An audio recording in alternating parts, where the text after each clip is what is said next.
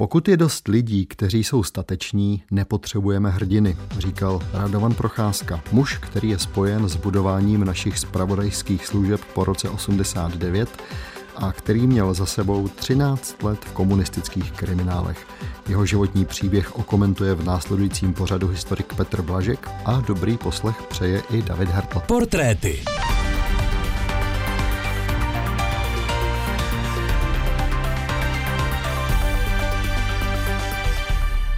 Petře, vítám vás ve studiu, hezký den. Hezký den. Když jsem od vás dostal všechny materiály pro tenhle pořad, když jsme vybírali společně ukázky a když jsem poslouchal dokonce nahrávku hlasu Radovana Procházky, logicky mě napadlo, setkali jste se spolu, hovořili jste spolu někdy? Ano, my jsme se viděli zejména při přípravě takové velké výstavy, kterou jsme dávali dohromady při příležitosti 40.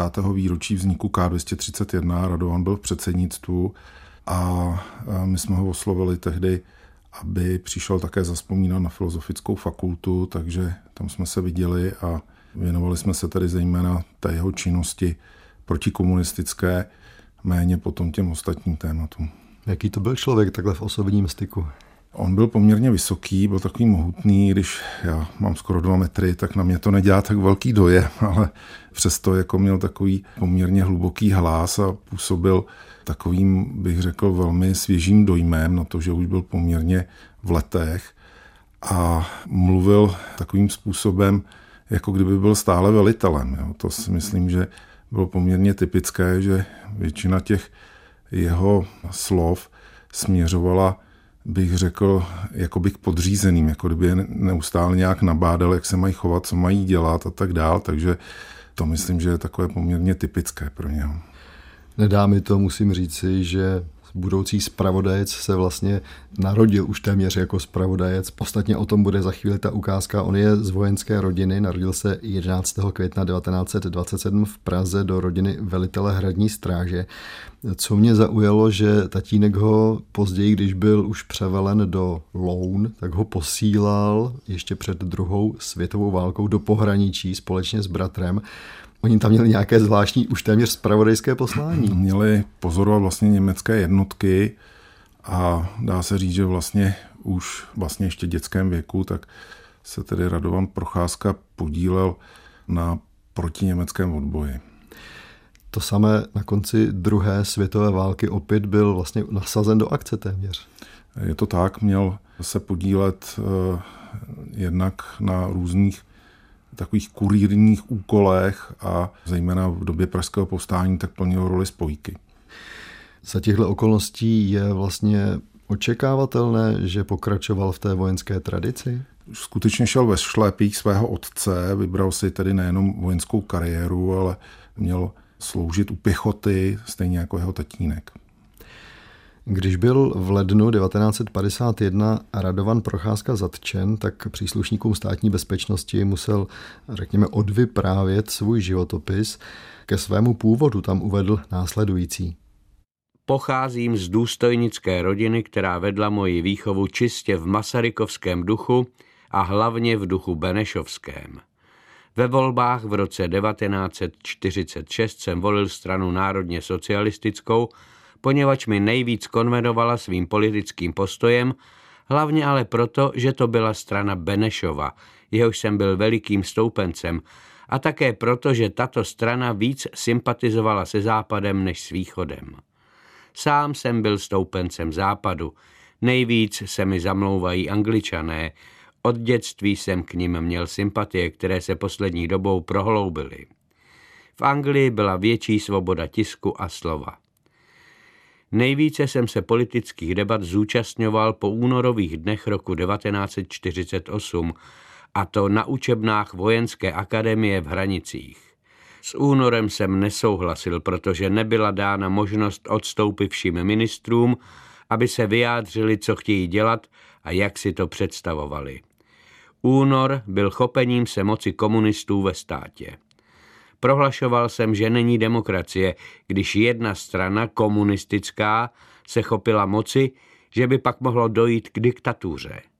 A to neodpovídalo demokracii, jak jsem si ji představoval. Dokončil Radovan Procházka ta svoje studia? Skutečně dokončil tu vojenskou akademii v roce 1948, byl vyřazen v hodnosti poručíka pěchoty, to znamená skutečně navázal na svého otce, který zemřel o dva roky dříve při autonehodě ve funkci velitele 5. pěšího pluku, který byl dislokován v Praze. Procházka byl potom vyslán do brněnské posádky, sloužil také v Rychnově nad Kněžnou a nakonec v Hodoníně. Musíme si uvědomit, že ta jeho studia vojenské akademie v Hranicích, to jsou léta 1946 až 48, kdy se u nás děje spousta věcí. 12. července 1950 je vypracován posudek na důstojníka Radovana Procházku. Můžeme si z něj ocitovat, alespoň pochopíme, jak se na něj jeho nadřízení dívali. V únorových dnech 1948 byl jeho postoj k událostem skrytě nepřátelský, záporný, s děním nesouhlasil a vyčkával. Ve výrocích byl opatrný. Po únoru se jeho chování nezměnilo. Politicky není organizován, o politiku nejeví valný zájem. Typický nepolitický důstojník, který podceňuje politickou práci v armádě, ale nepodrývá ji. Stýká se většinou s důstojníky, kteří jsou reakčního zaměření. Je schopen přinést pro lidově demokratické zřízení jen průměrné oběti. Má výborný vojenský přehled, odborné vědomosti a výkon služby výtečný. Vyrostl v prostředí, které nebylo příznivé košickému vládnímu programu a socialismu. Politicky nevyspělý. Nelze o něm říci, že by se nedal v novém duchu převychovat, je však nutné, aby mu při politické výchově byla věnována velká pozornost. Jelikož je velmi schopný, je nutné jej přivést po politické stránce na výši. Jeho politická spolehlivost je nejasná. Tak tedy politická spolehlivost nejasná a je potřebí věnovat eh, politické výchově Radovana Procházky více pozornosti. No úplně se to asi nakonec nepodařilo, protože byl 21. ledna 1951 zatčen. Nejčastěji se hovoří o tom, že měl spolupracovat s vojenskou skupinou kapitána Bartla, která prostřednictvím další skupiny plukovníka Kordy předávala informace na západ. Víme vůbec něco o téhle činnosti? Víme, tam existovaly vlastně takové dvě skupiny, které byly postupně pozatýkány. Procházka měl štěstí, že byl zatčen tedy až té druhé vlně a současně zvolil si, myslím, docela účinnou taktiku, protože prozradil jenom tu část, která se týkala posílání zpravodajských zpráv přes svého kamaráda Antonína Bartla a Františka Kůrky svému bývalému nadřízenému, to byl kapitán Němec, a to bylo v podstatě všechno. Já myslím, že k tomu taky přispělo to, že v té době to vojenské spravodajství se otřásalo v základech, řada lidí byla pozatýkána a možná i tomu zachránilo život. Radovan Procházka při těch výsleších prošel tím nechvalně známým hradčanským domečkem. Co to bylo za objekt? Bylo to velmi takové krvavé místo, doslova bych řekl. Byla to asi jedna z nejhorších vazebních věznic, která existovala v tehdejším Československu. Spravovala jí vojenská kontrarozvědka, prošlo tím spousta lidí, včetně velmi významných osobností, jako byl Helidor Pícha, Pravomil Reichl ještě před rokem 48.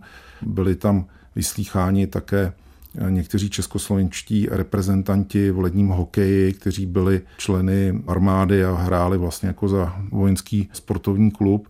V čele domečku stál František Pergl, to byl člověk s velmi sadistickými sklony, používal při vyšetřování, kterých se osobně účastnil, skutečně středověké metody, včetně různých nástrojů sadistických, nechával vězně dlouhé dny bez jídla, řadu měsíců se třeba nemohli umít a podobně. Byla tam opravdu jako strašná situace. Nakonec nejenom on, ale i jeho nadřízený byl zatčen a Pergl skončil ve vězení asi dva měsíce po Radovanu Procházkovi, kterého osobně zatýkal. Ten Pergl potom byl odsouzen k 11 letům vězení v září 1953 a nakonec zemřel poměrně brzy, už v roce 1962, tedy Radovan Procházka ho přežil skoro o 60 let. A Radovanu Procházkovi byl za špionáž navrhován trest smrti. jak tady víme z toho příběhu, nakonec to dopadlo jinak. Dostal 15 let, myslím si, že to bylo kvůli tomu, že on nějak moc nezapíral, vybral si skutečně jednu věc, kterou přiznal a opakoval ji dokola. Byla věrohodná, že se skutečně stala a měl ji ověřenou z dalších výslechů a potom byl postaven tedy se svými kamarády Antonínem Bártlem a Františkem Kurkou před soud a odsouzen 15 letům vězení. Radovan Procházka prošel mnohými tehdejšími lágry. V jednom z nich se, řekněme, přimotal k pozoruhodné události. O tom je teď zpráva z července 1955, kterou si nechala vypracovat příbramská státní bezpečnost. 4. července 1955 o 18. hodině po večerním nástupu odmítli odsouzení podle nově zaváděného táborového řádu nastoupit pro večerní stravu. V souvislosti s americkým státním svátkem téhož dne vykřikovali štvavá hesla, jako například Československý lid, zdravý lid Spojených států, což bylo reakcí na letáky z balonkové akce Svobodné Evropy, které odsouzení v posledních dnech získávali na pracovišti a vylepovali je na táboře potrestaných.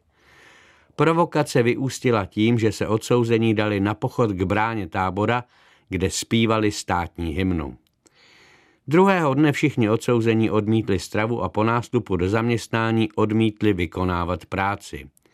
V důsledku toho nebyla noční směna propuštěna na pracoviště, byla ponechána v táboře, kde odmítla odebírat stravu, bránila v odběru stravy některým odsouzeným, avšak v celku se chovala vůči zprávě tábora klidně.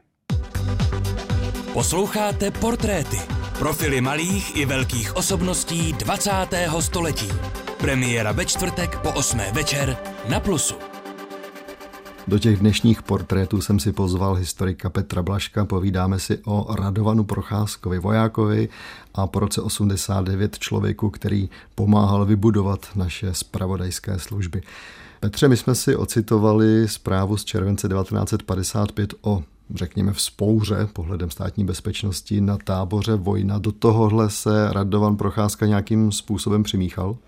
Ona to vzpomíná skutečně tak, že byl poslední v řadě a na konci byl jeden z prvních a podle vyšetřování tomu tak bylo. Ta nudlová spoura byla v podstatě hladovkou, která začala 3. července, tedy krátce před tím americkým svátkem, se kterým to potom spojili vyšetřovatelé. Dá se říct, že několik dnů vězni drželi hladovku kvůli tomu, že ta situace, zejména v tom zásobování, potravinami byla velmi špatná. Odtud ten název nudlová spoura, protože jedli stále nudle. Skončilo to tím, že hladovělo opravdu mnoho lidí. Ten tábor Vojna patřil mezi největší vůbec tehdy. Dnes tam máme velmi pěkné muzeum nebo památník. A nakonec, ale po několika dnech, ten odpor byl zlomen i velkými různými filcunky, jak se říkalo, prohlídkám, ubikací. Tam se našlo spousta různých věcí, které potom byly takovým nátlakem na ty jednotlivé majitele. A nakonec vlastně bylo vybráno deset údajně nejvíce aktivních a Radovan Procházka mezi nimi byl, byť na začátku skutečně nebyl žádným iniciátorem a dostal potom 12 let navíc. Ten výkon trestu, ten nám může možná trochu přiblížit i další ukázka. Vy jste ji vybral ze zprávy tajného spolupracovníka státní bezpečnosti, který vystupoval pod krycím jménem Holub. To byl člověk, který nejspíš takzvaně seděl, tedy nějakou dobu s Radovanem Procházkou a v dubnu 65 na Radovana Procházku vzpomínal takto. V Leopoldově patřil mezi takzvanou šlechtu, byl jedním z nejoblíbenějších kamarádů, velmi mnoho mladých lidí ovlivňoval svými názory. Stále četl a studoval, umí několik řečí, jeho koníčkem je filozofie, umění a přírodní vědy. Vášnivě nenávidí všechno, co souvisí s komunisty. Je velmi inteligentní a zákeřný. Dovede se dokonale schovávat za přátele a sám zůstává v pozadí. V Leopoldově několikrát vyvolal pasivní rezistenci. Politicky se nikdy nezařazoval do některé partaje. Nejvíce přátel měl mezi křesťany. Komunismus považoval za překonanou záležitost. Je odvážný, ale nikdy zbytečně neriskuje. Je to mimořádně nebezpečný typ člověka s velkými ambicemi, který si nikdy nedá pokoj.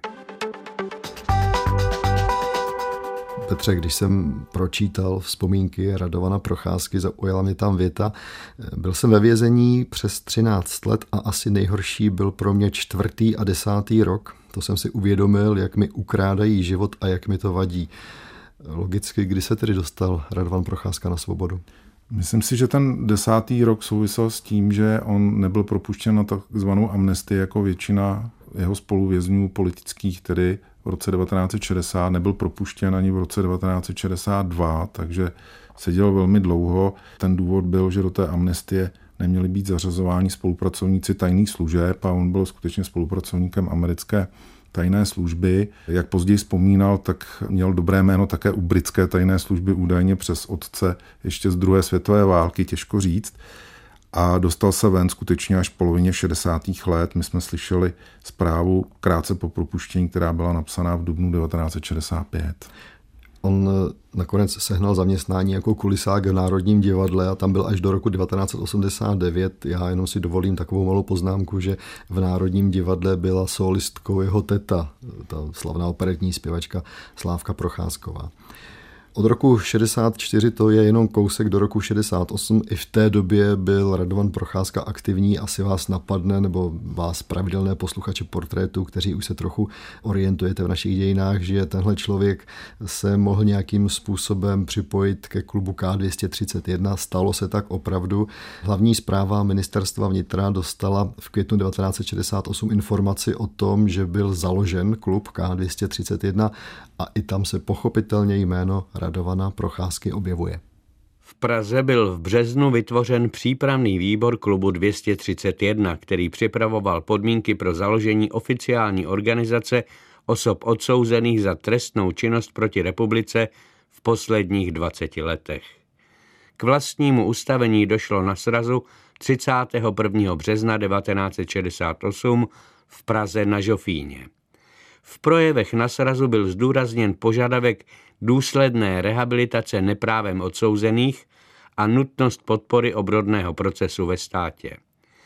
Do ústředí K231 byli zvoleni předseda Karel Nigrin, profesor, tajemník Jaroslav Brodský, bývalý fašista, a dále Otakar Rambousek, Radovan Procházka, Josef Čech a Antonín Roubík, všichni agenti americké spravodajské služby. Jedním z hlavních mluvčích je Václav Paleček, bývalý generál. Oficiální program K231 obsahuje prohlášení, že jde o celostátní nepolitickou organizaci združující osoby odsouzené za údajně politické delikty po roce 1948. Členové organizace se chtějí mimo jiné podílet na vypracování zákona o rehabilitacích a dosáhnout plné občanské rovnoprávnosti. Petře, teď, co jsme poslouchali ukázku, tak jste mě upozornil na poměrně zajímavou věc, že Radovan Procházka patřil v té sestavě vedení K231 k těm relativně mladším. Je to tak, skutečně patřil mezi nejmladší, zejména s Otakarem Rambouskem. Tvořili takovou dvojici mladších vězňů, kteří měli velký respekt eh, mezi těmi staršími. Je to dané také tím, že Procházka velmi aktivně se stýkal se svými kamarády z vězení i po propuštění. Státní bezpečnost ho sledovala v té době, jeden z těch svazků se jmenoval důstojník krycím jménem a rozpracovávala jeho kontakty, které vlastně sahaly po celém Československu. Pojďme tedy už k událostem po roku 89, kdy se Radovan Procházka z té pozice kulisáka v Národním divadle najednou ocitá v křesle ředitele několika postupně zpravodajských služeb. Prosím, popište to. V listopadu 1989 Radovan Procházka stál u vzniku stávkového výboru v Národním divadle. Jeho mluvčí Ondřej Nosek dosvědčil, že první schůzka se konala přímo v kanceláři Procházky, což je tedy zvláště pikantní, že to bylo tedy skutečně v kanceláři spolupracovníka americké tajné služby, ale on příliš dlouho nevystupoval ve stávkovém výboru a zamířil do tajných služeb. Společně s ním mimochodem z toho Národního divadla odešlo hned několik jeho kamarádů.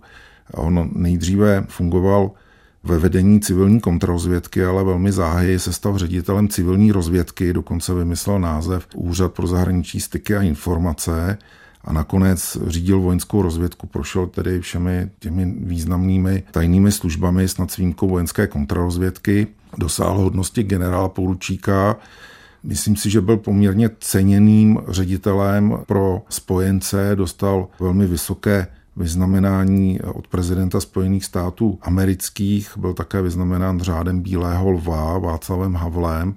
Současně někteří trochu kritizovali takového vidění světa, které spíš odpovídalo druhé světové válce. On se zaměřil vedle jiného také na Německo, které považoval za možnou hrozbu a chvilku to trvalo, než tady ta obava z toho sjednoceného Německa pominula, jak vzpomínali někteří jeho kamarádi. Někteří mu také vyčítali jeho kritizování Vladimíra Hučína v době, kdy Hučín byl ve vazbě a čekal na soud. Jak se ukázalo, ty výroky procházky nebyly oprávněné, protože Hučín byl očistěn. Důležité je říci, že Radovan Procházka zemřel 25. června 2020 a bylo mu 93 let. My jsme si nakonec nechali ukázku, ve které mluví sám Radovan Procházka. Nahrávka je z dubna 2008 a on tam vlastně vyjadřuje nějaký svůj názor na spolupracovníky státní bezpečnosti, na pracovníky tajné policie a zejména na to, že po roce 89 tihle profesionálové státní bezpečnosti vlastně nebyli potrestáni.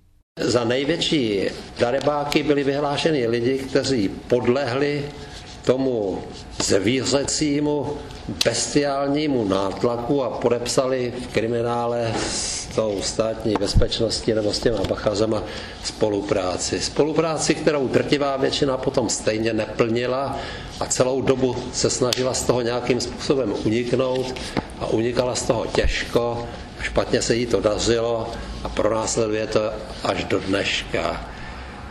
Ta ta naprostá zásadní chyba, která se udělala v tom 89. roce a která platí až do dneška, spočívá v tom, že ty lotři to nejsou ty lidi, kteří byli nějakým způsobem zlomení, ale ty, co je lámali, ty z toho prostě unikly, ta státní bezpečnost, těm se to bralo jako, že dělali svoji povinnost, že vlastně e, za to byli placení, že to je v naprostém pořádku a ty darebáci jsou ty, který oni zlomili, který prostě e, vnitřně znehodnotili, je samotný před sebou. Tohle je věc, která, kterou my jsme tam vnímali eh, v tom K231 a se kterou jsme se pořád do dneška nějakým způsobem nevypořádali. Když to mám říct otevřeně, tak ten poslední člověk, který podepsal spolupráci jako politický vězeň a přitom tu spolupráci neplnil, je na tom mravně lépe, jak první člověk, který v tom kriminálu vůbec nebyl, který k tomu vůbec nebyl donucený. A ještě věta na závěr. V červenci 2020 in memoriam byl Radovan Procházka vyznamenán cenou Bezpečnostní rady státu, ale nakonec ji převzal ředitel vojenského spravodajství Jan Beroun. Rodina Procházkova tohle ocenění převzít odmítla, protože předat je měl premiér Andrej Babiš. Jako důvod odmítnutí rodina uvedla osobu premiéra, který měl cenu předat, protože postrádá morální kredit, aby takové ocenění mohl vůbec předávat. To je vše z dnešních portrétů, ve kterých hostem byl a děkuji, že přišel Petru Blaškovi. Petře, naslyšenou. Naslyšenou. Ukázky přečetl David Schneider, technicky spolupracoval mistr zvuku Jan Brauner a loučí se a příště naslyšenou u portrétu těší také David Hertl.